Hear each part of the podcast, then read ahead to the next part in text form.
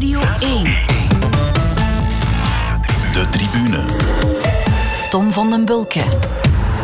Van harte welkom bij deze voetbalspecial van de Tribune. We zijn enkele dagen voor het Europees voetbal weer op gang getrapt wordt met Club Brugge en Antwerpen in de Europa League en met de achtste finales in de Champions League. Mijn gasten hebben alvast één ding gemeen en dat is dat ze voetbalcommentaar geven de mooiste job ter wereld vinden. Dag Peter van den Bemt en Aster en Zeemane. Hey, dag Tom. Goedemiddag. Peter, je gaat dat niet tegenspreken of zou je toch liever iets anders doen?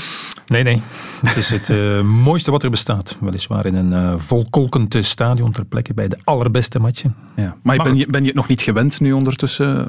Nee, nee. Die... nee. Went het niet? Nee, het went niet. Nee. Het blijft een uh, dode boel. Ik kan er niet aan doen. Dus ik moet mijzelf, merk ik, elke keer opnieuw forceren om toch ja, in de buurt te komen van het enthousiasme dat je anders bijna natuurlijk krijgt door ja, de ambiance waar je in zit.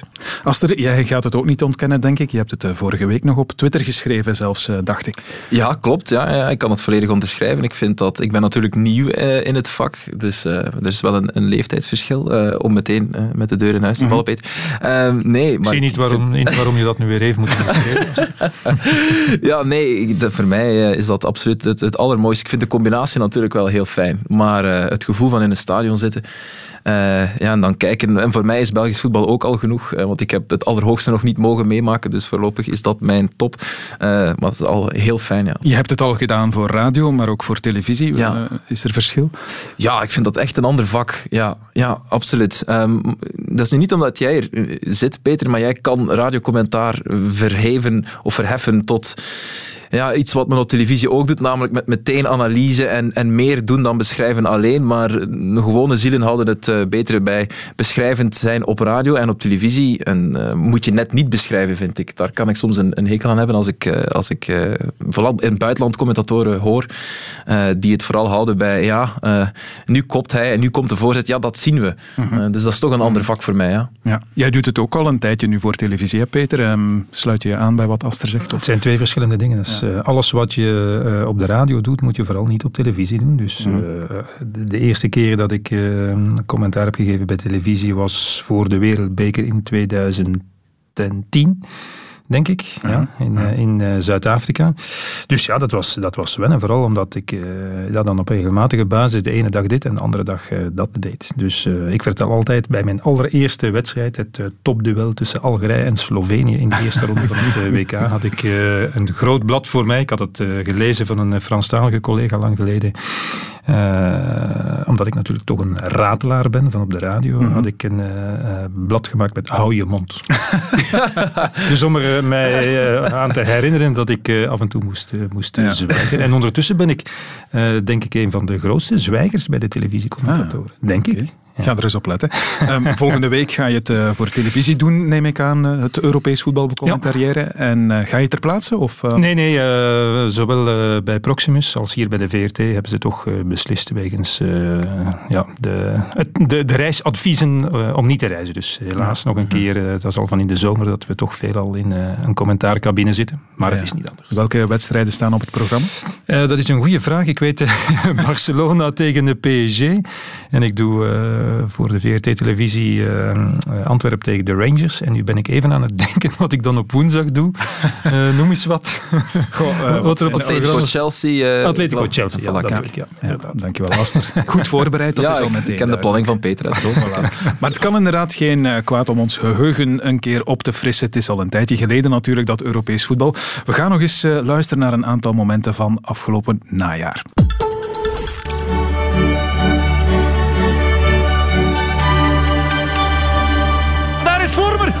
Mistrapt zich. En dan nu de trap. De onderkant lat. De onderkant van de lat. José Mourinho, welkom in Antwerpen. I love everything. Because I love the new one and I love the old one. En de andere twee Belgische ploegen in de Europa League hadden ja, gisteravond eigenlijk nog maar één doel. De E redden. Vooral aan Gent dan. Boef ziet dat Bodaar ver van zijn goal staat en maakt een geweldige goal.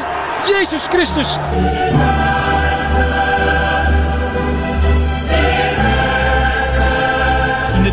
League had hij nog niet gescoord tegen Messi in die duels. En hier legt hij er zomaar twee binnen. En Juve is virtueel groepswinnaar in groep G. Solomon gaat het zelf doen. Solomon! Hij doet het. Het Solomon-oordeel van de Israëli. En Israël nu ja, definitief uitgetikt. is Haaland. Ai, ai, ai. Haaland met de eerste kans en de eerste goal natuurlijk. Dat laat hij niet liggen.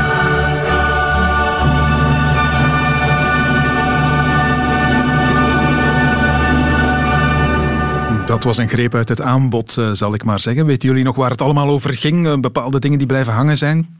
Ik weet wel In het bijzonder? Ja. Ik herinner mij het doelpunt van Haaland. Dat zal dan tegen eh, Club Brugge geweest zijn, eh, nemen we aan. Ja, ik heb hier alle Champions League eh, avonden gepresenteerd eh, van Club Brugge op, op, op Radio 1. Ja. Ehm, welk fragment zat er nog in? Ja, Club Brugge had nog in de Champions League kunnen zitten. Hè. Mocht die bal niet op de lat, maar erin gegaan zijn, dan was het zover. Maar we mogen nooit een campagne eh, daarin of eruit herleiden tot één fase.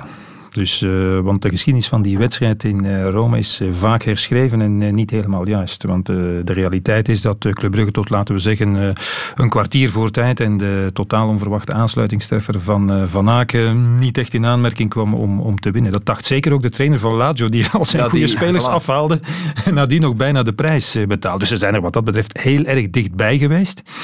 En ze waren ook nog redelijk begonnen aan de wedstrijd, maar voor het overige zaten wij toch naar die match te kijken. eh in dat de was overtuiging dat het, dat het er nooit ging, ging van komen. Dat was door Sobol natuurlijk ook, met zijn rode kaart. Onder andere. Maar Ja.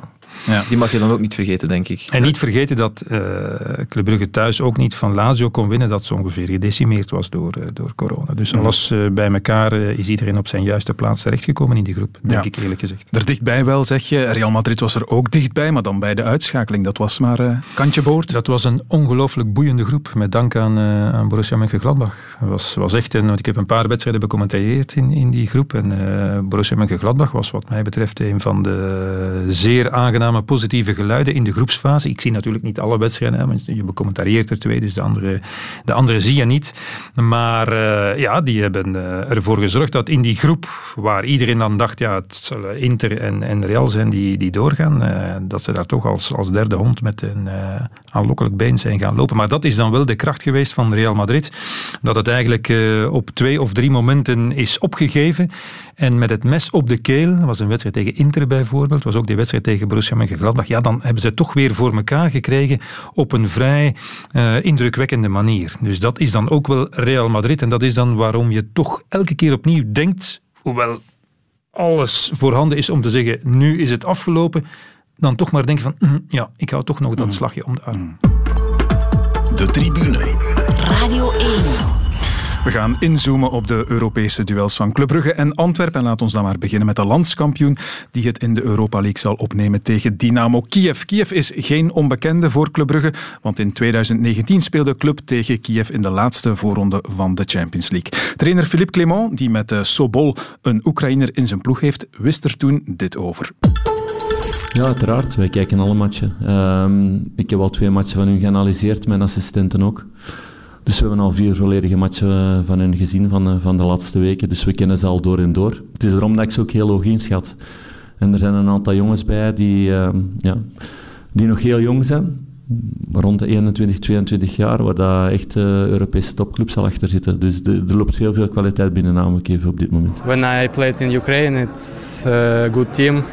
Have a lot of good players, good, which have uh, good technique. It's also Viktor Tsiankov, uh, Shaparenko, Mikolenko. This is guys playing national team. But it will be interesting for us, for me, of course.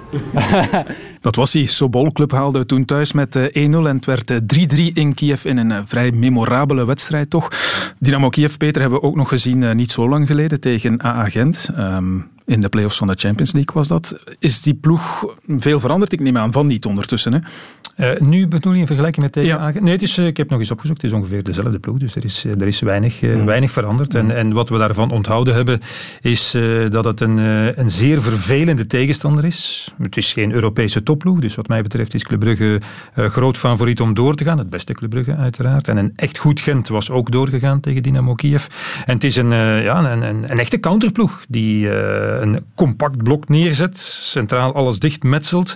En die loert op de counter, die loert op het, op het afstraffen van, van fouten. Dus, dus geen fouten maken. En ze hebben inderdaad, je hoorde op zijn Oekraïns gezegd, wel een paar namen die, ik, die ik herkende. Maar degene die, die op mij in die wedstrijden dan tegen Gent het meest indruk heeft gemaakt, is Bujalski. Een, ja, een soort tweede spits, een loper die altijd op de goede plaats opduikt, infiltreur met, met goede voeten. En natuurlijk heb je uh, Chaparenko, is in principe de, de spelverdeler, de man met, met de beste voeten. Maar, maar het is uh, een ploeg die niet noodzakelijk wil voetballen. Zo zijn ze hier in Gent ook gekomen. En, en, Gent heeft een paar fouten gemaakt en die zijn afgestraft. Want zelfs in die terugwedstrijd heeft uh, Gent alles bij elkaar dan nog wel best wat, wat kansen gehad. Maar het euvel dat en dat het hele seizoen achtervolgde, heeft hen thuis minder, maar zeker daar ook parten gespeeld. Ja, ze konden geen, geen doelpunt maken. Dus, dus Dynamo Kiev is een zeer solide, nog eens vervelende tegenstander, waar je moet voor opletten. Maar ik denk dat het voor Club Brugge toch een ontgoocheling zou zijn als ze tegen Dynamo Kiev uitgaan. Ja, dat lijkt me ook. Het is een heel, uh, een heel jong elftal. Ik heb eens opgezocht. De, jongens, de zes jongens met de meeste speelminuten zijn allemaal jonger dan 26 jaar. Dus dat zegt wel wat. En ik vond het wel interessant. Lucescu, Michel Lucescu is, is de coach. Dat is de oudste. Ja, de oudste. Hij is veruit de oudste. 75 jaar ondertussen, denk ik. Um, al uh, een keer half met pensioen geweest. Want lang coach geweest van Shakhtar, de grote rivaal natuurlijk van, uh, ja. van Dynamo Kiev. En eigenlijk ruzie gemaakt doorheen de jaren met de supporters van, uh, van, uh, van Dynamo Kiev. Dus dat was wel wat toen hij daar coach werd. Maar hij zei eigenlijk, ja, toen ik met pensioen was, miste ik het voetbal zo hard. Ik denk dat ik de jonge gasten wel nog wat kan leren. Dus ehm, zijn, zijn, zijn intentie, of de reden waarom hij terug coach wou worden, was om te werken met die jonge gasten. En ik denk dat het toch goedje af is voor die, voor die, die Roemeen, dat hij van dat jonge elftal dan toch dat stugge uh, elftal heeft gemaakt dat we gezien hebben tegen, ja, en, tegen Gent. Ze staan toch één punt voor Shakhtar Donetsk. En, en Shakhtar is toch een ploeg die furore heeft uh, gemaakt in de Champions League met uh, een corona-gedecimeerd ja. elftal gaan winnen op het veld van, van Real Madrid. nog wel een paar spraakmakende resultaten. En, en ja, ze staan toch aan de leiding daarvoor. Het enige wat natuurlijk altijd het probleem is voor ploegen uit het Oostblok, uit Rusland, maar ook Oekraïne zal ik zeggen. Ja, ze hebben natuurlijk weer een hele periode stilgelegen. Laatste wedstrijd gespeeld in, in december en pas ja. dit weekend ah, ja. herneemt de competitie weer. Dus we hebben niet echt een, een waardemeter nee, op dit twee moment. Maanden, twee maanden winterbreak daar. Twee maanden, ja. Dus dat is altijd wel een beetje een, een probleem. Dat zal ook wedstrijdritme, om dat cliché dan maar boven te halen, zal dan ook parten spelen, denk ik. Om dan toch maar een beetje te proberen te vergelijken, Aster. Um, hebben ze daar bij Dynamo Kiev spelers zoals Club Brugge er nu heeft? Ik noem dan maar uh, de sterren van het moment, uh, laat ons zeggen. Noah Lang, een Bas Dost. Hebben ze die in de ploeg? Nee, ik denk wat Dost en Vormer brengen op Europees niveau is ervaring. Uh, dat hebben we gezien met Vormer, of bij Vormer al met Club Brugge in het verleden. Ik denk spontaan aan die wedstrijd op Monaco bijvoorbeeld, omdat hij nu het vers in het geheugen Of op Real Madrid bijvoorbeeld, die 2-2. Mm. Waar hij wel rood pakt, maar waar hij heel belangrijk is. Bas Dost, oké, okay, hebben we denk ik nog niet zo vaak in Europees verband gezien hier vanuit België. Uh, maar komt wel met wat uh, adelbrieven. En vooral, um, Peter, je zegt het juist, um, Club Brugge favoriet. Ik denk dat ze dat ook moeten ambiëren uh, om minstens de kwartfinales te halen. Als je zo investeert, denk ik uh, dat het minstens de doelstelling is. Hangt af natuurlijk van wie je in de volgende ronde loodt, want er zitten wel nog wat kleppers in. Met Leicester, uh, Milan, Arsenal, Man United, Tottenham. Oké, als je daar tegen loodt, dan ben je in principe de underdog. Maar qua kijken waar kunnen we belanden in deze competitie, denk mm -hmm. ik dat, uh, dat de kwartfinales zeker de doelstelling zijn. Op je vraag terug te komen, uh, ik heb eens opgezocht, Sigankov is een beetje, ja, een type lang kunnen we niet zeggen, maar is de, de, de vrijzinnige uh, buitenspeler bij, bij Kiev. Spreek me tegen, Peter, als jij... nee, nee, als je het ziet. En, het is, maar het is iemand die ja, van wie men altijd veel verwacht en die er maar moeilijk in slaagt om, uh, om de verwachting in te staat er ook niet altijd in zo, maar het is, het is zeker een van, uh, ja. van de talenten. Ze hebben, ze hebben vooraan met Supriya, voilà. een jonge, stevige, grote, nog maar twintigjarige, denk ik, uh, spits. Dus degelijke ploeg. Maar geen vormer, dost, geen lang, heb ik de indruk. Ja. Oké. Okay. Het meest recente dat we gezien hebben van hen was die match tegen A-agent, of die matchen, het waren er twee natuurlijk. En toen zei Wim de Dekker vooraf aan het duel met Kiev dit. Ik moet zeggen, Kiev is een, een toch wel een, een, zeer degelijke tegenstander. Uh, vanuit een heel goed georganiseerd blok. Uh, ik denk een ideale combinatie van ervaring met jeugdige spelers. Zoals dat ik er net zei, schat ik onze, onze kansen zeker, zeker vrij hoog in. Uh, met heel veel respect voor Kiev. Ik, nogmaals, ik vind het een heel uitbalanceerd elftal. Met een goede combinatie van jong en oud. Ze hebben zeker een sterkte punten. Maar ik zie toch mogelijkheden voor onze ploeg ook. Het is anders gelopen natuurlijk, Ja, want maar hij eh, had Gent gelijk. verloor twee keer. hè. Ja, maar- 1-2 en 3-0. Dat was een, eh, Ja. ja. maar die 3-0 is ook een, eh, ge- geeft geen correct beeld weer van, van de krachtsverhoudingen in die wedstrijd. Wat ik al zei, Gent heeft ook op bepaalde momenten zijn kansen gehad om wie weet nog het echt nog spannend te maken. Dus eh, die 3-0, dat staat er dan wel. En uiteindelijk is het een, een eh, uitschakeling met 5-1 over de twee wedstrijden. Maar het lag dichter bij elkaar. En alleen was Gent niet goed natuurlijk. Dat is het, dat is het Ja, probleem. ja, ja. Het goede Gent. En daarom zeg ik ook een goed Club Brugge. Zeker het Club Brugge met de vorm van, eh, van de voorbije weken. Ja, moet, moet gewoon voorbij Dynamo Kiev geraken. En, en, en eh, het verschil tussen Dynamo Kiev en, en Club Brugge is... eh, zoals ik het nu kan inschatten, dit jaar veel groter dan vorig jaar. Want toen was het echt kantje boord en heeft Club Mhm. Brugge geen overschot gehad. En zich met wat meeval voorbij Kiev eh, gewurmd, mag je letterlijk wel, wel zeggen.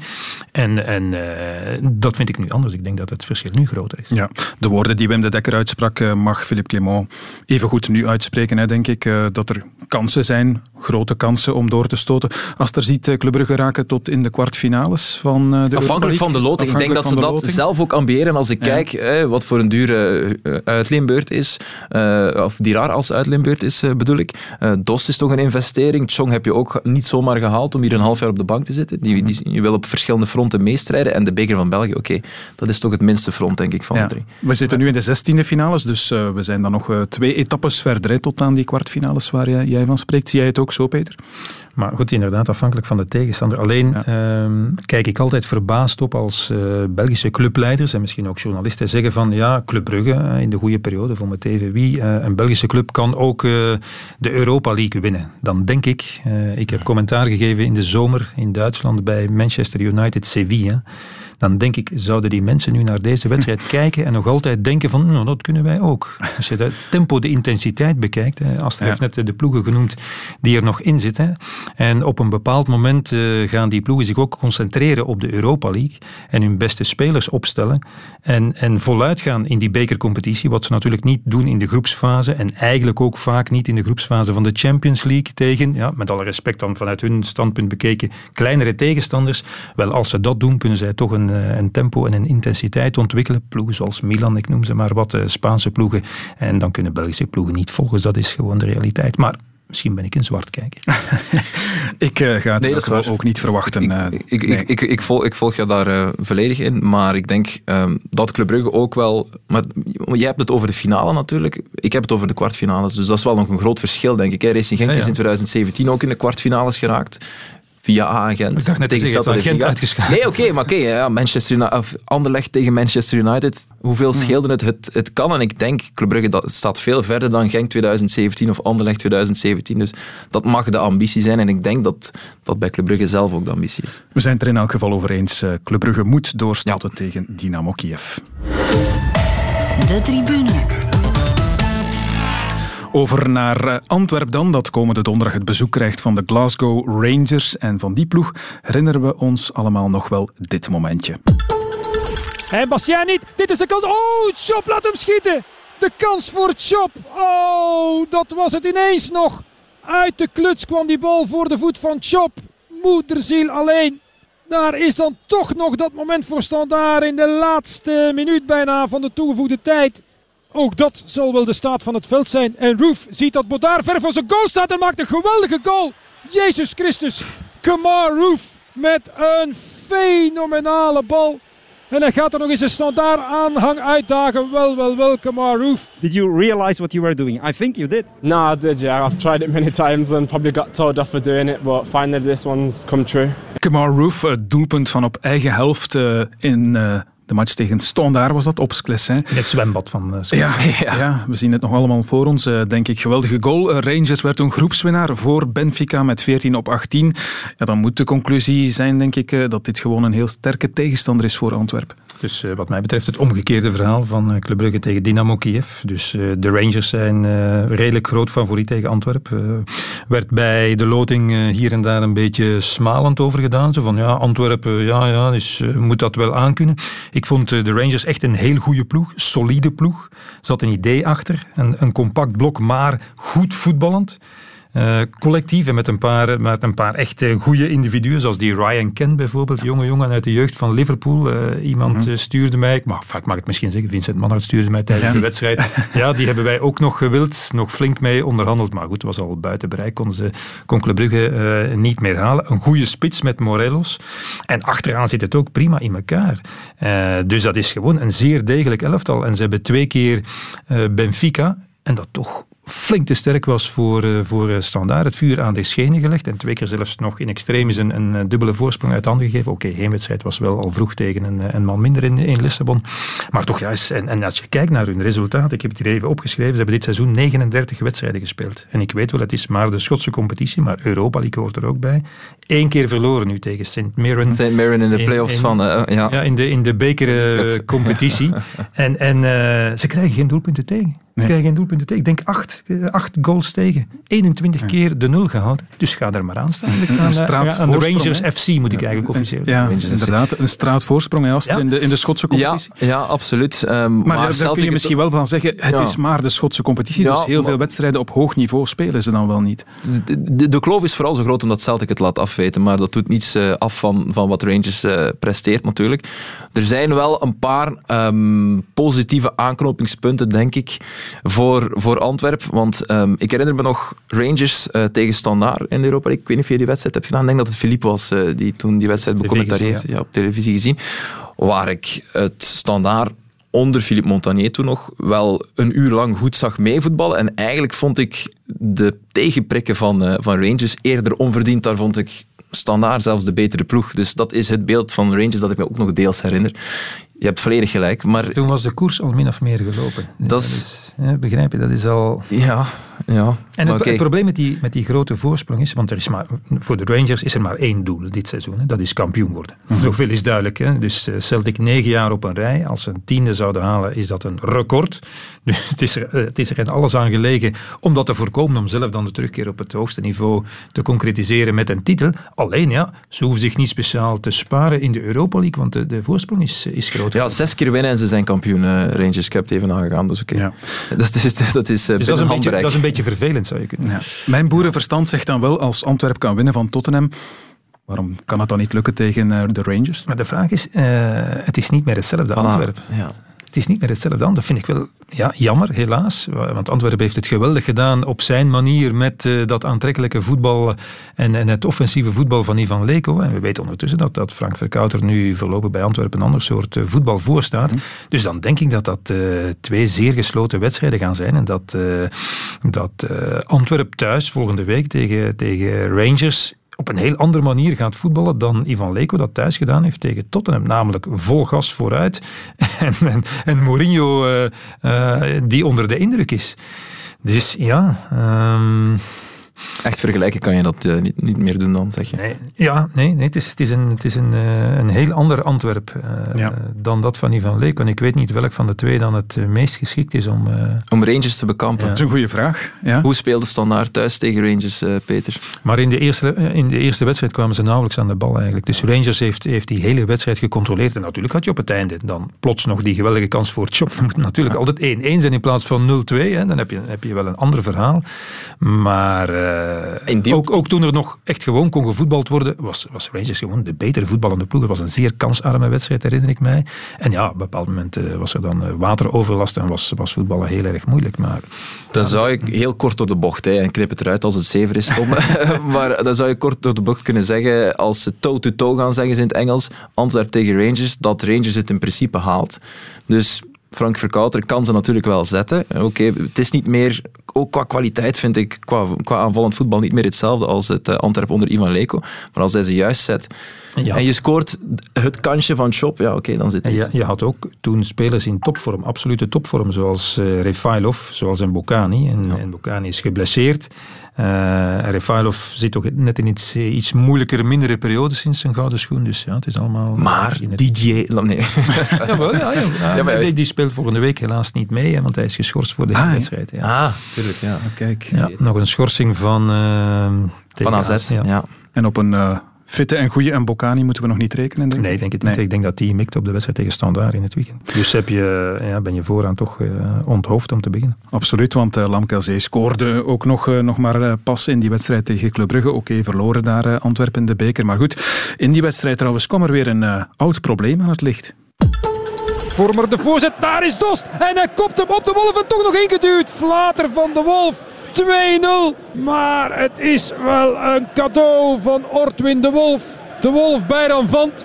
Ja, legt ze in een weegschaal en uh, die bougeert niet, denk ik. Het is uh, lotomout ijzer, eerlijk ja. gezegd. Weer Vormer. Nog eens een voorzet trappen in de tweede zone. Nee, hij verrast. Ortwin de Wolf. En 3 tegen 1. Ja, natuurlijk. Maar je mag ook niet te snel anticiperen. Ja, kijk waar hij staat. Ja, kijk hier waar hij staat. op de monitor mag... zien we dat. Ja, vandaar ben je natuurlijk... Uh... Sowieso, dat heeft Vormer natuurlijk gezien. Die pas voorwaarts heeft Vormer gezien.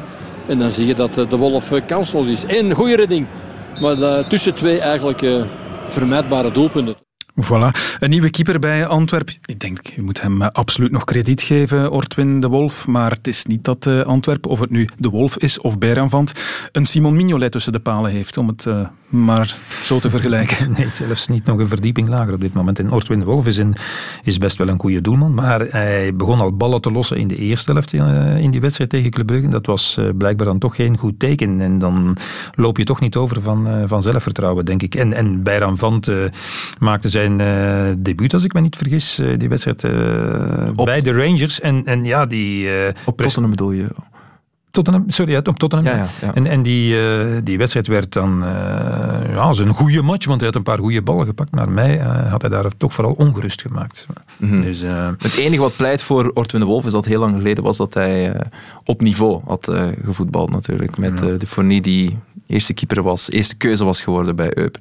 Ja. Dat kan je zeggen, om, uh, om hem toch een hart onder de riem te steken. Maar oké, okay, de analyse is correct, denk ik. Maar Bergkamp gaat spelen, uh, neem ik aan. Dat denk ik wel, ja. ja, dat, Is, dat is ook, en, en hij heeft het in de wedstrijden daarna nu best wel oké okay gedaan. Alleen is er altijd wel een of ander moment waarop je even de adem inhoudt. Het, is, het heeft ook te maken met zijn uh, onorthodoxe manier van, uh, van keepen. Die, ja, die maakt dat je af en toe toch denkt, wat gebeurt er nu? En dan uh, slaat hij naar een bal of dan gooit hij die voor zich uit. Dus, hij komt uit zoals kamikazes dat deden in de jaren tachtig nog, denk ik. In plaats van ja, de, de moderne stijl van keepen. Dus ja, er is, er is gewoon nog heel veel werk aan de techniek, denk ik, van, van Bijran. Van en ja, hij oogt ook zo lang.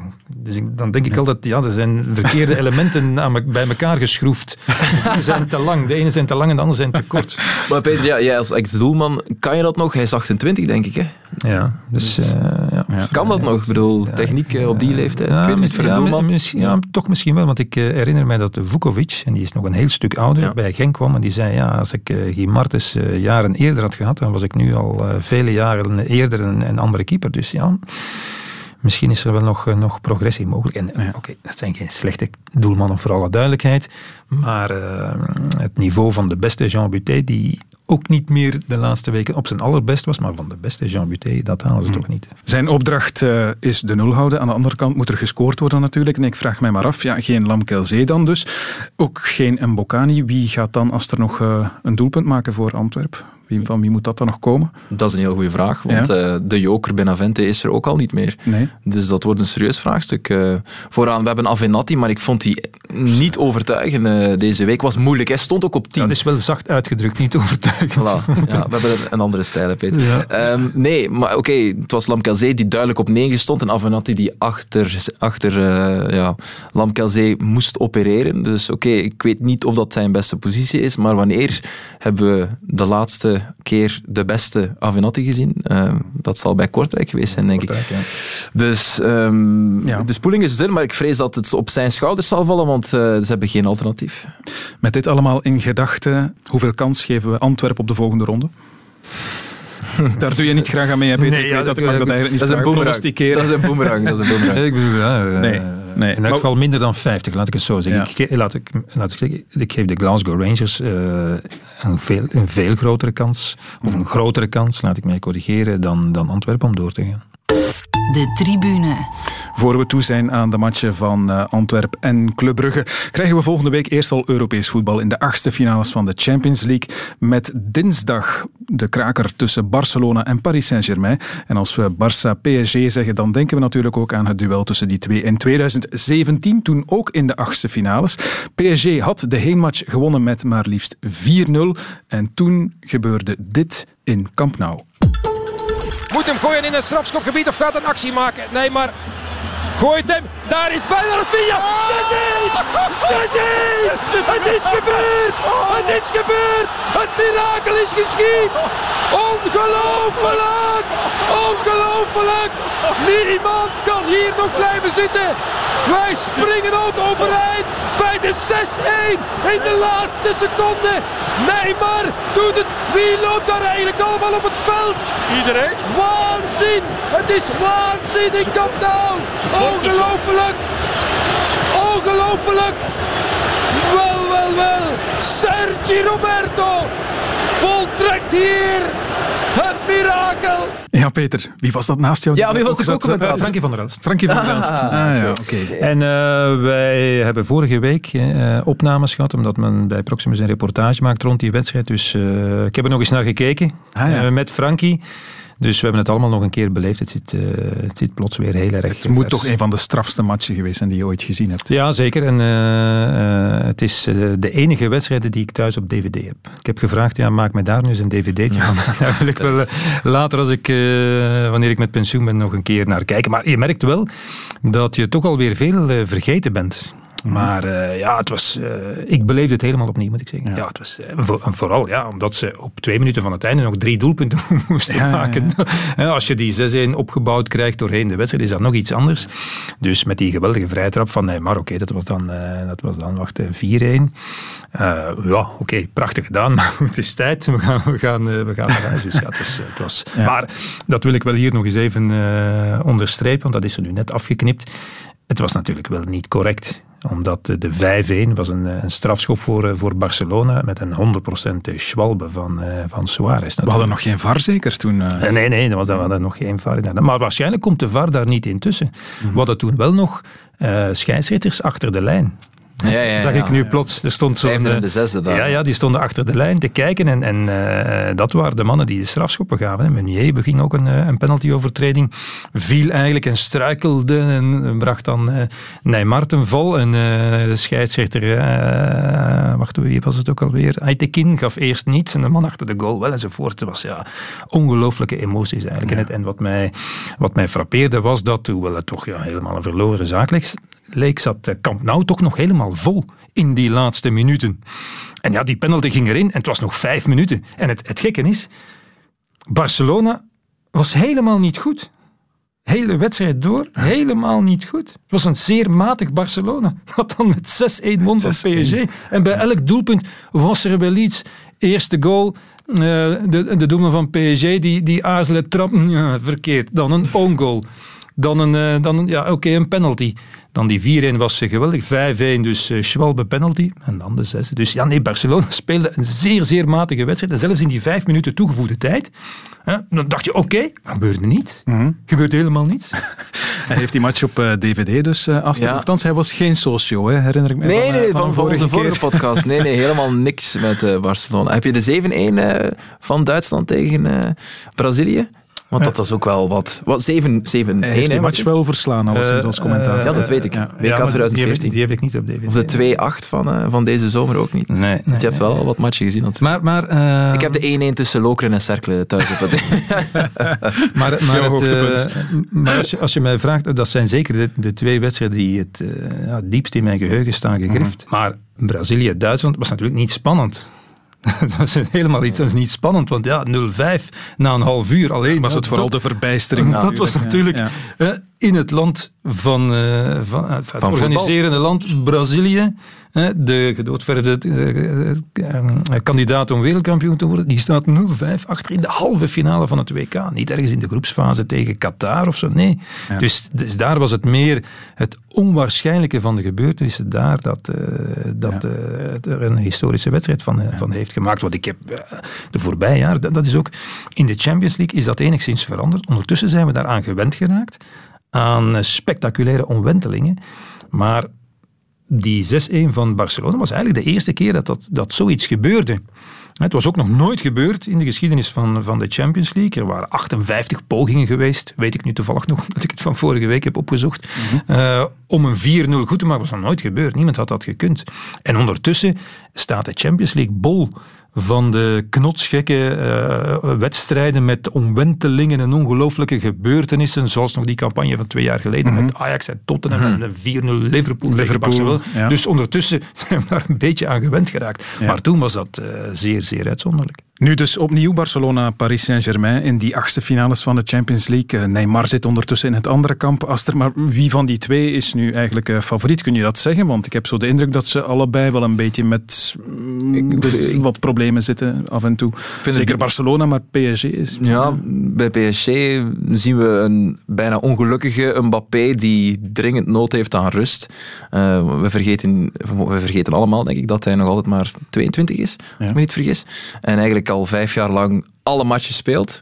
Uh, ook met de nationale ploeg. Uh, dus lijkt me echt iemand die, die, die duidelijk is uh, op de pauzeknop moet drukken. Of er zal voor hem op die pauzeknop moeten gedrukt worden. Neymar is ja, deze week nog uitgevallen. moest van het veld. Adductorenblessure tegen Caen in, in de beker met PSG. Dus dat, dat ziet er niet goed uit. En dat is dan het beste nieuws, denk ik, voor Ronald Koeman. Die, en dat vergeten we ook allemaal, wel meer punten pakt met Barcelona sinds half december dan, dan Atletico. Waar we toch allemaal heel lyrisch over zijn. Dus zo slecht is het nu ook niet met Barcelona.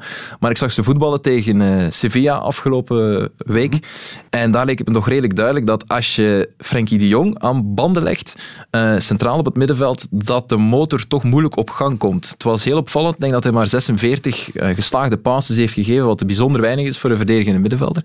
Toont ook het belang aan van, van Frenkie de Jong. En voor mij blijft Ousmane Dembélé een enigma. Ze zetten hem daar nu op, op, op rechtsbuiten omdat het, uh, omdat het moet, omdat er niemand anders is die diepgang brengt. Maar je kan elke wedstrijd een, een filmpje maken van uh, zijn fantastische controles en zijn acties en hem een, uh, mm -hmm. een toptalent noemen. Maar je kan even goed onbegrijpelijk aantal keren balverlies ja, highlighten, om het zo te zeggen. Dus oké, okay, um, dat is een heel uitgebreid antwoord op een, op een redelijk simpele vraag. Ik denk dat ze in balans liggen met elkaar. En, maar het feit dat Neymar ontbreekt, of zou ontbreken, we zijn niet zeker. Als dat zo is, dan acht ik Barcelona toch nog altijd favoriet. Barcelona heeft die wedstrijd trouwens verloren hè, tegen uh, Sevilla ja, nu in de beker. 2-0 werd het daar. Hè. Ja. Uh, er is nog een terugmatch natuurlijk, Peter. Um, maar kampioen worden, dat wordt behouden zijn uh, mirakel al heel moeilijk voor Barcelona. Misschien dus ook geen beker. Ja, dan is het enige wat nu nog rest die Champions League zeker. Maar hoe zie jij het? Uh... Ik denk niet dat uh, Barcelona in staat is om, om de Champions League te winnen. Alleen moet je natuurlijk altijd een slag om de arm houden. En dat is de figuur van Lionel Messi. Dus dat is de enige reden waarom je zou kunnen zeggen, je weet maar nooit. Het enige een beetje een goede nieuws is dat Griezmann sinds de winterstop is beginnen scoren. Dus doelpunten en assists misschien gaat hij uiteindelijk toch nog met veel vertraging uh, dichter aanleunen tegen zijn rendement, laat ik dat dan zeggen. Misschien niet zijn niveau, maar wel zijn rendement van, uh, van bij Atletico, uh, Atletico Madrid. En, en natuurlijk, die, die wedstrijd staat in het teken van Lionel Messi naar PSG of niet. Vorige ja. week kopte Frans Voetbal al Messi op vraag van Neymar. Neymar wil alleen blijven in Parijs als uh, Messi komt. Dus ja, dat, uh, dat gaat ook alles bepalen rond, uh, rond, die wedstrijd natuurlijk. En ik heb ook wel de indruk dat PSG nu met Pochettino toch zachtjes aan onder stoom begint te komen. Toch vrij gemakkelijk bij Marseille gaan winnen. Dat is de hate game, zoals ze dat daar noemen ja, vrij droge 0-2 zo. Uh, Oké, okay, ze hebben nog een, een uitschuiver gehad bij Lorient of zoiets. Lorient, ja, inderdaad. Ja. Maar voor het overige, ja, zijn ze toch zachtjes aan, overige, ja. zijn ze toch zachtjes aan weer aan, uh, weer aan het opschuiven. En misschien, uh, want het is voor het eerst dat ze moeten achtervolgen in de Franse competitie. Normaal liggen ze rond deze tijd van het jaar al, al een straat voorop. maar als je het mij vraagt, Di Maria is nu wel ook geblesseerd uitgevallen. Dus dat, dat vind ik ook wel een heel belangrijke speler. Zat overigens fijn genoeg op de bank in die wedstrijd wedstrijd, eh, die 6-1, hè, terwijl hij de ster was van de heenwedstrijd met twee doelpunten, had eh, de coach hem op de bank gezet. En dat was ook de grote fout, nu ik daar even weer op terugkom. Dat was een veel te behoudende aanpak. PSG begon in de eigen rechthoek. Dat was Emery toen, hè? Ja, terwijl Ja. ze 4-0 voor stonden. Dus, eh, maar eh, ik geef toch het, eh, over twee wedstrijden eh, roekeloos het voordeel aan PSG. Ja, Messi misschien naar PSG, enfin, dat, dat wordt eh, gehyped natuurlijk, dat soort verhalen. Maar het omgekeerde, Neymar terug naar Barcelona, dat gaat niet meer gebeuren, zeker Eh, niet, gezien... niet de eh, twee samen. en gelet, gelet op de kleine financiële zorgen. Nee, maar financiële zorgen. Om ja. ze te verenigen opnieuw, eh, inderdaad. Als ze Dat verenigd worden, zal het in. Parijs zijn en niet in. Barcelona. Ja. De tribune. Radio 1. Als er één ploeg is waar het momenteel de grote goed nieuws show is, dan is het eh, wellicht wel Manchester City. Op dit moment heeft City 15 matchen op rij gewonnen in alle competities. Een record en dan zeggen dat ze het nog altijd doen zonder eh, Kevin De Bruyne. Of die speelklaar raakt voor de match tegen Mönchengladbach in de Champions League. Dat is nog onduidelijk, zegt eh, Pep Guardiola. He's, get, he's getting well. He's getting well. He's already training not with the team alone, but he's moving well. And his feelings and his uh, sensations in terms of uh, about his injury is, is good. Is really good. Is that Mönchengladbach game a possibility, do you think, for him? No, I can I cannot say. You know, I cannot say because it's day by day. With uh, the important is his his his feelings are good, and uh, and we'll see the doctors and himself what they say. Ja, hij voelt zich al eh, beter, maar het is toch nog afwachten. Maar opvallend toch, Aster. City speelt nu al een aantal weken zonder eh, Kevin De Bruyne. Draait op volle toeren daar. Ik dacht dat hij de onmisbare pion was. Maar oké, niemand is eh, onmisbaar. ehm, maar ze missen hem wel hoor.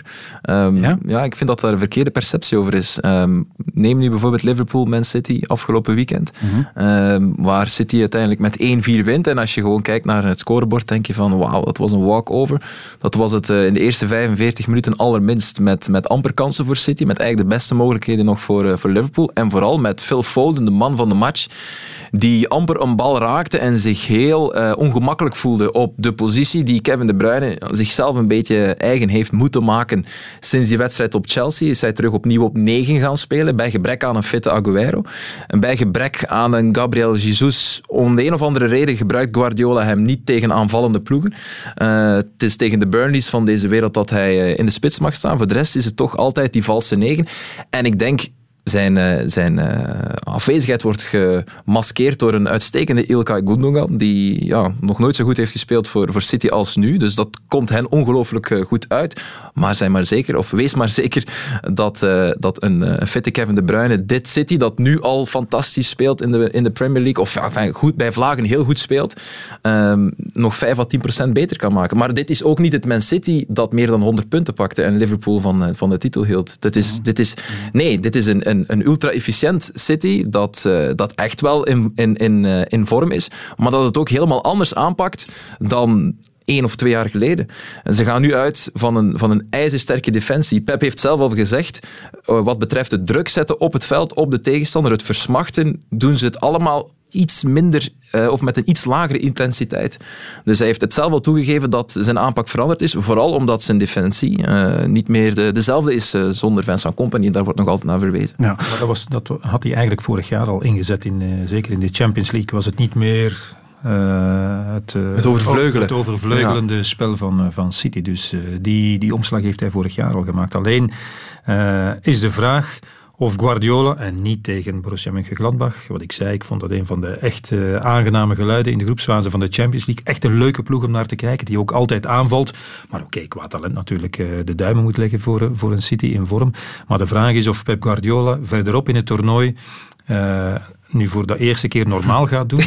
of toch, hè, zoals in de, de kwartfinale was het zeker tegen Lyon, ineens zich gaat aanpassen tegen Lyon en Kevin De Bruyne zo ongeveer een uur laat spelen op een ongewone positie, waardoor hij zichzelf eh, en zijn ploeg in de problemen brengt. Dus eh, dat, is de, dat is de vraag die Guardiola zich moet stellen. Of hij ook verderop in het toernooi, als de tegenstander zwaarder, zwaar, de tegenstand zwaarder wordt, of hij dan ja, zijn cool gaat kunnen bewaren. Want stilaan heb ik de indruk dat dat met Guardiola het probleem is in de Champions League. Dat was zo in die drie jaren bij Bayern München. Elke keer, en Thomas Müller heeft dat nog eens aangegeven in een interview rond de de Champions League eh, Final 8 vorig jaar. Elke keer als er beslissende momenten aankwamen, ver in het toernooi, ja, dan begon hij iets raars te doen. Dan dacht hij iets te moeten bedenken waardoor hij de tegenstander uit balans ging brengen. En oké, dat je dat misschien doet tegen het allerbeste Bayern München, een beetje aanpassen, maar tegen Lyon, waar je in principe veruit de betere ploeg bent, ja, coach je, je en nu ben ik een beetje streng, maar coach je jezelf of je ploeg tenminste toch een beetje in de problemen. En nog eens, als je de verschillende uitschakelingen van Manchester City doorheen de jaren bekijkt, is daar ook een ongelooflijke dosis pech mee gemoeid. En individuele fouten. Ja, zelfs in die wedstrijd tegen Lyon. Zelfs in die wedstrijd tegen Lyon met de misser van Sterling, de flaters van, eh, van Ederson achterin. Maar toch is het vaak terug te brengen tot eh, de wispelturigheid eh, in stresssituaties van de coach. Zou hem dat eh, eigenlijk kunnen aangerekend worden? Want dat is toch wat ze verwachten hè, van eh, Guardiola, dat hij eindelijk wel, eens die, die, die, die Champions League gaat winnen. Ik denk dat ze daar in het, eh, in het Verre Oosten of in het Midden-Oosten toch eh, ja, vol ongeduld zitten op te kijken nu. Al 13 jaar op aan het wachten zijn. Ja, Ja. dat is zo. Ja. Ja. Ja, daar, daar gaat het om. Zoals, zoals ze in Parijs daar ook op wachten. Maar die zijn dan tenminste toch tot in de finale geraakt. En zijn dan gebotst op, eh, op de beste ploeg van de wereld. Dat kan gebeuren. En, en dat werd de coach eigenlijk ook aangerekend. Met een beetje vertraging. Natuurlijk, ze konden, ze konden net nu hij finalist was geworden met PSG, konden ze moeilijk op de kei zetten. Maar ja, dat werd een finale daar ook al wel eigenlijk eh, aangerekend dat hij die, die finale niet heeft gewonnen. Maar eh, ja, die is dan toch in elk geval al een stuk verder geraakt dan, dan Guardiola met City. Ja. Wat je met eh, Guardiola ook hebt natuurlijk, is dat je heel vaak eh, niet weet welke ploeg hij gaat opstellen. Hè. Hij roteert heel vaak. En die Phil Foden, als er, waar jij het over had, Ja. eh, de uitblinker inderdaad in die match tussen Liverpool en Manchester City, die speelt niet altijd. Hoewel, Guardiola is altijd vol lof over hem. Right now, he's moving perfectly in the sides as a winger. And of course, the second and fourth goal were outstanding, phenomenal, and uh, because the quality is there. But we cannot forget, he's just 20, 21 years old, have an incredible, huge margin to improve.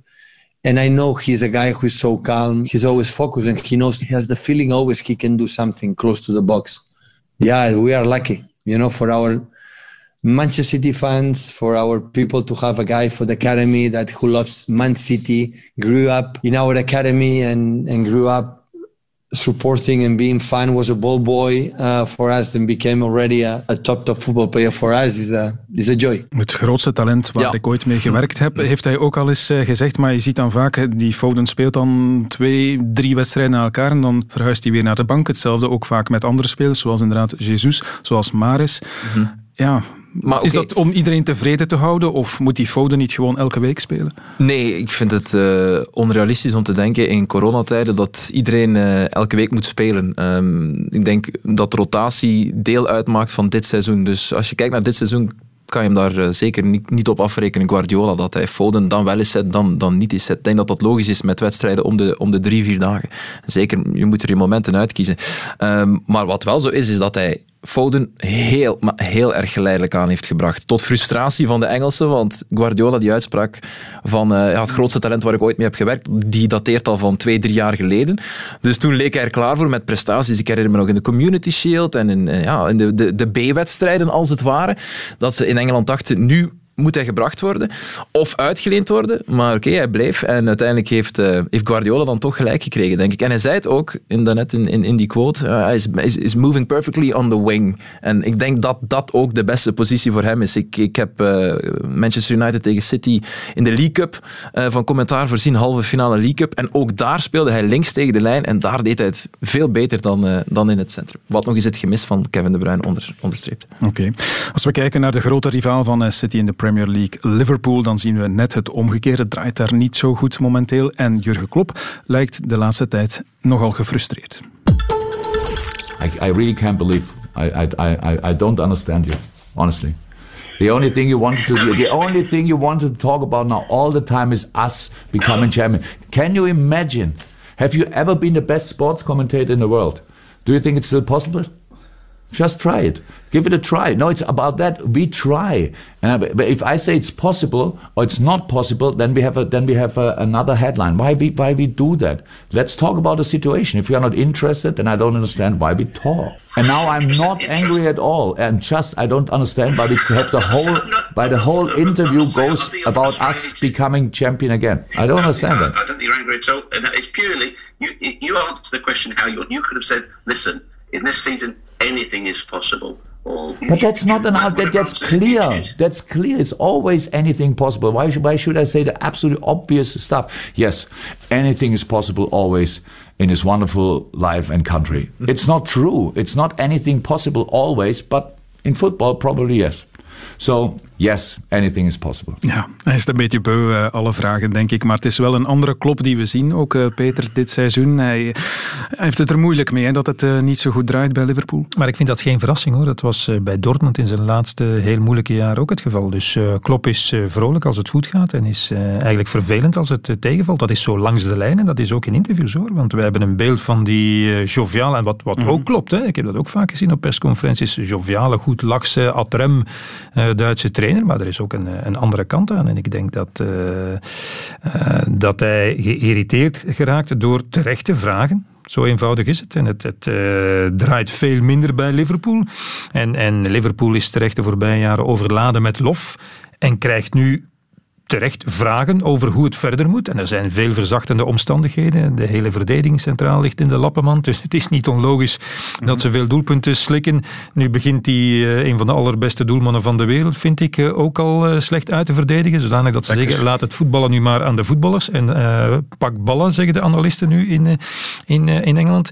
En die, die drie voorin, die uh, hebben een, een, jaar of twee op een galactisch niveau gedraaid en draaien nu op een heel hoog niveau eigenlijk. Want als je hun, hun statistieken bekijkt, is niet dat ze geen doelpunten meer, meer maken. Alleen is het allemaal net ietsje minder.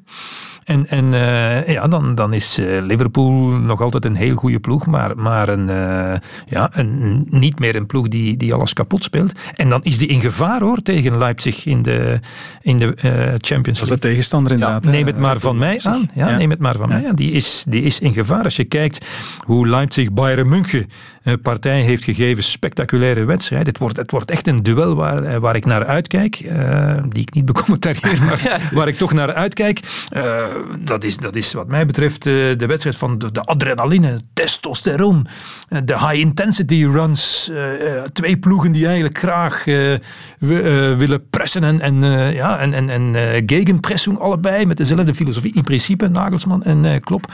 Dus het zou een geweldige twee wedstrijden moeten zijn. Ja. Maar ze zijn in gevaar, neem het van mij aan. Ja. Het kan dan een uh, seizoen zonder prijzen worden als er voor Liverpool. Eigenlijk, nee, want de voorbije twee seizoenen misschien de beste ploeg van Europa. Het zal niet veel gescheeld hebben natuurlijk. Nee, inderdaad. Um, de Premier League is voorbij, dat, dat kunnen we zeggen na, na afgelopen weekend. Oké, okay, anything is possible om het uh, bij Jurgen zijn woorden te houden. Ik mag Jurgen zeggen trouwens. um, maar uh, het is het wel... Het valt mij op dat jij de trainers met de voornaam aan Pep, Jurgen. het is echt... Oei, dat is de nieuwe generatie, kijk eens, uh, van, van God losgeslagen. Um, wat, wat, wat wou ik zeggen? Premier League is weg, zei je. Premier League is weg. Gek genoeg... FA Cup ook. Ja, gek genoeg is de Champions League wel de competitie waar ze de voorbije jaren het meeste plezier aan hebben gehad met de finale en met één keer winst.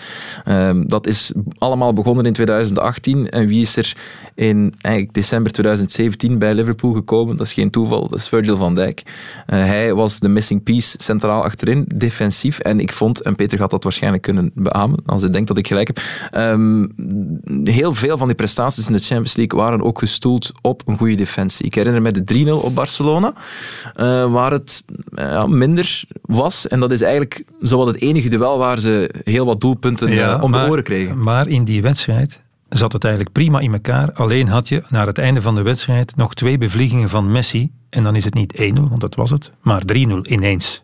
dan zei Klop ook, ja, daar kan je niet tegenop.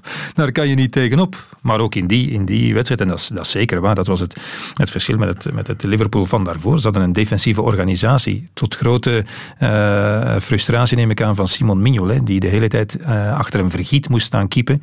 en dan kwam Allison, enfin, eerst nog uh, die Duitser wiens naam ik al vergeten. Karius, ja. die er dan in slaagde om dan toch nog Bressen te slaan in een solide verdediging eigenlijk. Maar ja, dat was, dat was de verdediging. Als je nu kijkt de laatste paar wedstrijden, staan ze met Henderson en Fabinho. Mm-hmm. Is zijn twee middenvelders. Ja, de, ja. er zijn twee. twee uh, Henderson niet, niet eens een verdedigend middenvelder.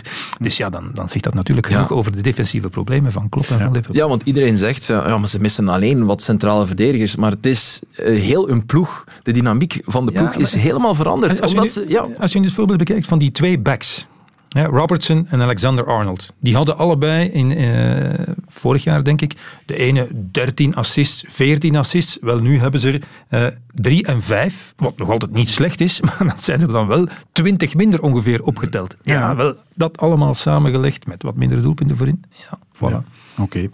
Leipzig tegen Liverpool, München, Gladbach tegen Mag ik Manchester nog één City. bloemetje werpen en, naar eh, iemand? Barcelona, Paris Saint-Germain, daar hebben we het al over gehad en dat wilde ik neerleggen, maar jij mag nog. Ah, wel, ja, sorry, ik, ik wil nog één bloemetje werpen, omdat het daar heel weinig over gaat. Mijn, mijn favoriete speler eh, bij Leipzig is die Angelino. Als je het hebt over pure power, passie, energie. Op links power nu wat minder, maar iemand die heel graag meekomt, dat is die, die kale links, linker wingback van, eh, van Leipzig, die volgens mij op alle vlakken eh, miskend wordt. Eh, zowel door zijn eigenaar, door Manchester City, want hij is nu voor het tweede seizoen op rij ge- uitgeleend aan, aan Leipzig, die zich in de handen wrijven. En vooral Man City, wat ik niet begrijp, als je dan ziet met wie zij op linksachter spelen, Zinchenko, eh, die houdt blijkbaar Mendy op de bank, dus hoe slecht moet die zijn o- op training, denk ik. Dus dan denk ik, zo'n Angelino, ja, die, die kan, je wel, eh, kan je wel gebruiken. En ook bij Spanje, die heeft nog geen enkele cap. Dat heb ik opgezocht. Dat vond ik veel van mijn stoel. Eh, wie speelt er nu bij Spanje op linksachter? Gaia is eigenlijk de vaste keuze daar in de Nations League. Ik denk dat Angelino wel beter is dan de, de linksachter van Valencia. Dus oké, voilà. Acht doelpunten en elf assists heeft hij. Ja. Straf, hè, voor de linksback. Kijk. Dat is de nieuwe, dat is dan de, de Robertson van, eh, van Leipzig. Ja, we gaan hem in de gaten houden natuurlijk eh, komende week. Er zijn natuurlijk nog vijf achtste finales. Atletico Madrid, Chelsea, Lazio, Bayern München, Atalanta, Real Madrid, Porto, Juventus en Sevilla, Borussia Dortmund. Ik pik er kort nog een aantal dingen uit. Eh, Bayern, Peter, de grote favoriet weer om de Champions League te winnen? Voor mij nog altijd. Ze hebben een paar hiccups gehad in, eh, in de loop van het seizoen. Kon ook moeilijk na het vorige seizoen en de winst in, eh, in de finale van de Champions League. Maar eh, ik dacht een beetje, ja, Thiago Alcantara die weg is, eh, dat is toch een kratertje op het middenveld. Een zeer onderschatte speler, maar dat hebben ze eigenlijk vrij probleemloos opgevangen. Ze hebben zich een beetje naar de top moeten worstelen in, in de Bundesliga. Maar nee, wat mij betreft, Lewandowski alweer bijna, bijna Ja. 30 doelpunten. Muller draait op, op volle toeren. Ze hebben een gigantische kern eigenlijk. Davies en die revelatie, oké, is geblesseerd geweest, komt er nu ook door. Dus nee, voor mij met voorsprong de favoriet. Ja, het kan misschien ook als er een, een boerenjaar worden voor Atletico. Hè. Kampioen in Spanje, dat zit er aan te komen.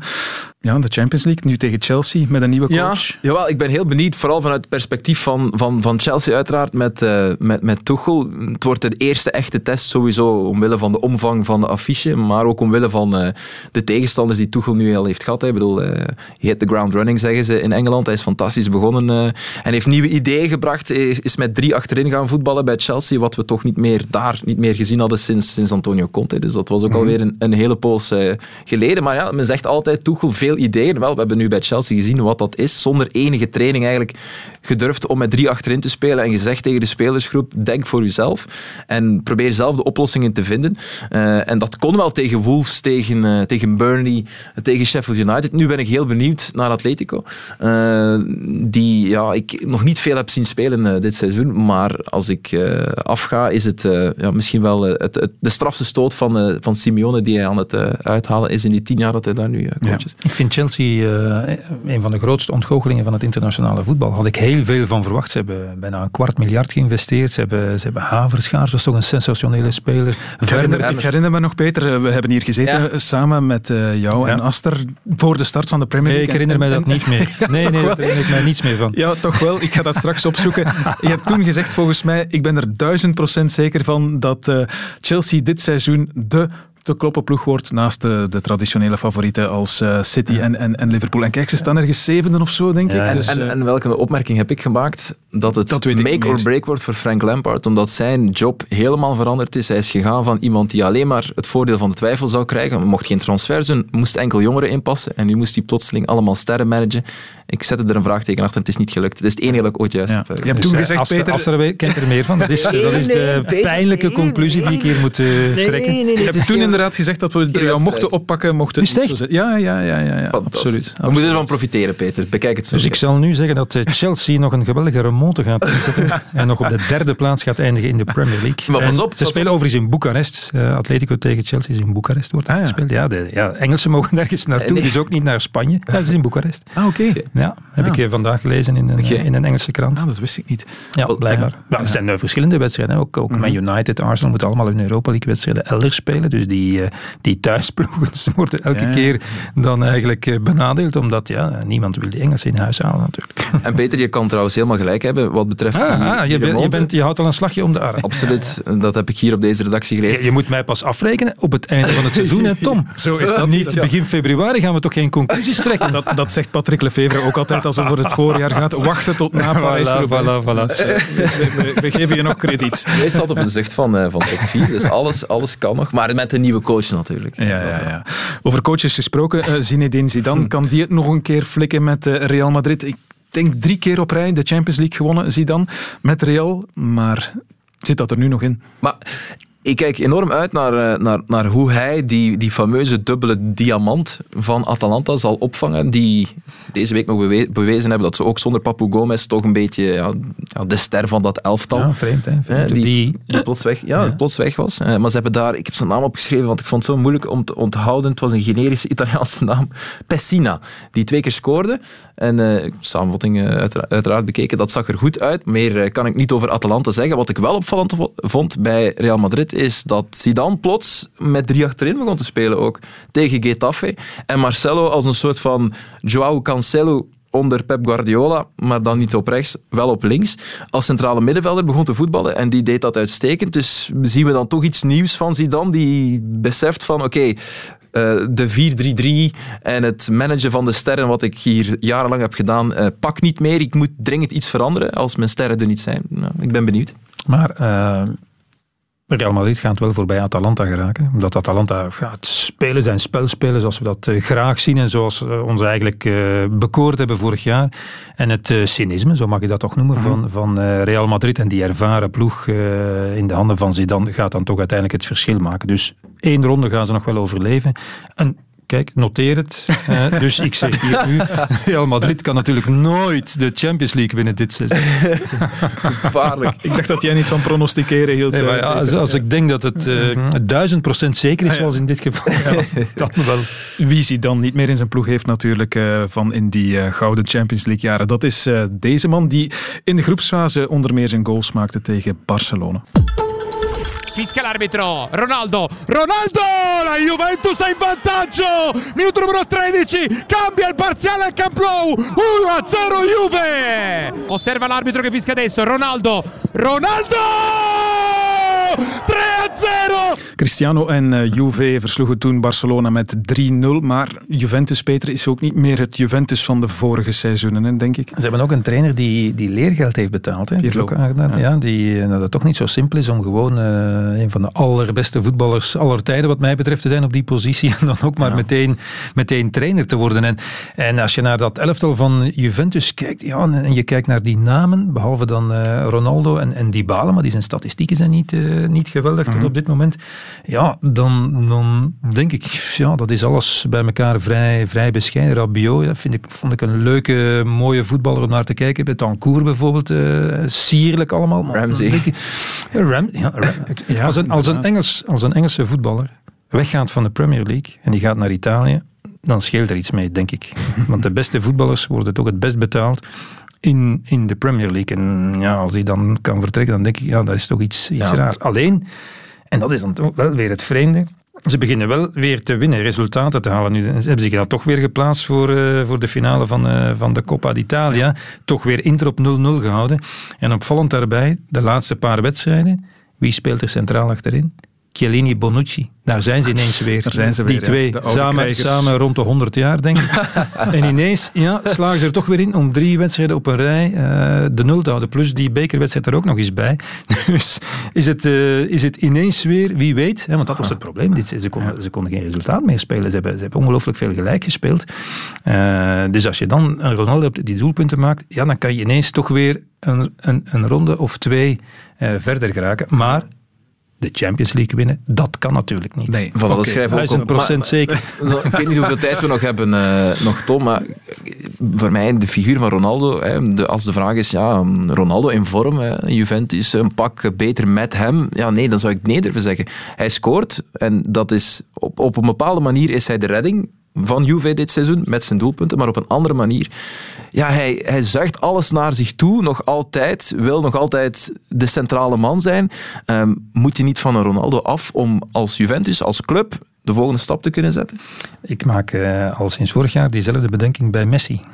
Dus, uh, ja. maar goed, andere, uh, je kan er niet omheen dat Messi nog altijd wel bepalend is voor uh, nee, nee, natuurlijk, dat, dat blijven ze tot het einde. Ook Ronaldo. voor Ronaldo ja. Maar, maar als je aan een nieuwe ploeg wil bouwen, heb ik dan even over Barcelona, maar goed, hetzelfde geldt misschien voor, voor Juve. Al is ja, Ronaldo voor Juve niet wat Messi is nee, voor, nee. voor, Barcelona, ja, dan zou dat wel eens kunnen. Okay. Zou dat zeker wel eens kunnen. En, en pas op, want laten we zeggen, een maand geleden zouden we Juventus hebben afgeschreven voor, voor de titel in Italië. Ik denk dat ze nu op zeven punten staan en nog een inhaalwedstrijd te goed hebben. Dus, dus, zo, ze komen dan toch weer dicht in de buurt. Ze hebben dan toch weer ook gewonnen op het veld van Milan. Hè, mm. Bijvoorbeeld 1-3. Dus ja, het blijft toch, uh, blijft toch een gevaarlijke ploeg, laat ik het zo zeggen. En, en ik, ken, ik ken Porto niet, moet ik eerlijk toegeven. De tegenstander van, uh, ken ik te weinig van, maar uh, ja, daar gaan ze wel voorbij gaan, denk ik. Ja, het is inderdaad Porto-Juventus. En de laatste achtste finale waar we mee zullen afronden is Sevilla-Borussia Dortmund. Ik denk, ja, als Dortmund ver wil geraken, dan hangt het af van Haaland zeker, hè? Ja, uh, 11 op 21 toen hij geblesseerd was. Hè, dan kan je zeggen van ja, ze missen hem. Maar ook met hem de voorbije weken toch een paar heel erg teleurstellende uh, nederlagen geleden. Ik denk dat ze ondertussen beseffen dat die Edin Terzic niet de nieuwe Hansi Flick is. Wat mijns inziens een beetje de bedoeling was door hem vanuit als assistent door te schuiven. Um, dus dat, dat, ze, zijn, ze zijn wat dat betreft volgens mij een, illusie... Uh, armer. Um, dus ik weet niet of dit Dortmund, om het met Peter zijn woorden te zeggen, we zullen maar opschrijven dat Dortmund niet, uh, niet de Champions League zal, zal winnen. Dat is natuurlijk en, gemakkelijk, dat weten we allemaal. Ja, Dortmund ja. Champions League ja. Nee, uh, maar ik weet zelfs niet of ze, of ze Sevilla als ik Sevilla zag voetballen tegen, uh, tegen Barcelona, of ze Sevilla kunnen verslaan, heel, heel, heel veel zal afhangen van, van de vorm van de dag. En de vorm van het moment is, uh, is een 5 of 6 op 10, dus uh, dat is niet genoeg, denk ik. Ja, en ik, ik, vind, ik vind Sevilla gewoon ook een heel leuke ploeg om, om naar te kijken. Was zo in de eindfase van, van de Europa League vorig jaar. Ja, dat is gewoon een aantrekkelijk elftal, hoge intensiteit, kunnen tempo ontwikkelen. En ik was, moet ik zeggen, in de groepsfase, de wedstrijden die ik gezien heb van, van Dortmund tegen, tegen Club Brugge en ook tegen Lazio, ik was zeer gecharmeerd van het, uh, van het voetballend vermogen van een piepjong elftal van, uh, van Dortmund. Maar goed, ondertussen is het toch allemaal een beetje gecompliceerder geworden. Aster Peter heeft zijn deel gedaan met uh, uitspraken met grote zekerheid. Dus voor jou de slotvraag, wie wint de Champions League? Oh, um, zal ik een, een heel um, niet bevredigend antwoord geven? Dat zal, mag. Zal ik Bayern München zeggen? dan, dan zijn jullie met twee. Nee, voilà. kijk, ik ga mijn nek uitsteken en ik zeg City. Okay. Omdat ik dat het liefste wil. Voilà, dat is de enige reden die daarachter zit. Wij moeten bij Proximus ook altijd aan het begin van het seizoen een ploeg naar voren schuiven. Dus ik heb gezegd Barcelona mm -hmm. toen. Maar goed, daar geloof ik ondertussen natuurlijk niet, uh, niet meer in. Het was maar omdat je moet ook altijd proberen om je te onderscheiden van de rest. ja, vorig, ja, ja, vorig, jaar heb ik dat zo gedaan door PSG te zeggen. Ik ben er dichtbij oh, geweest. Absoluut. Dus ik denk, ja, dus ik denk natuurlijk Bayern München. Dus ik kies wat anders en ik heb Barcelona gezegd. maar, maar, als je kijkt naar, ja, dan zal, zal, het toch, uh, zal het toch Bayern in de buurt komen, denk ik. Oké. Okay. Ik heb er alvast heel veel zin in, in het Europees voetbal uh, vanaf volgende week. Met dus uh, die achtste finales in de Champions League. Maar zeker ook op donderdag met Kiev tegen Club Brugge en Antwerpen tegen Rangers. Heel veel plezier ermee. Dankjewel Peter van den Bent. Dankjewel Rest en Zeemanen.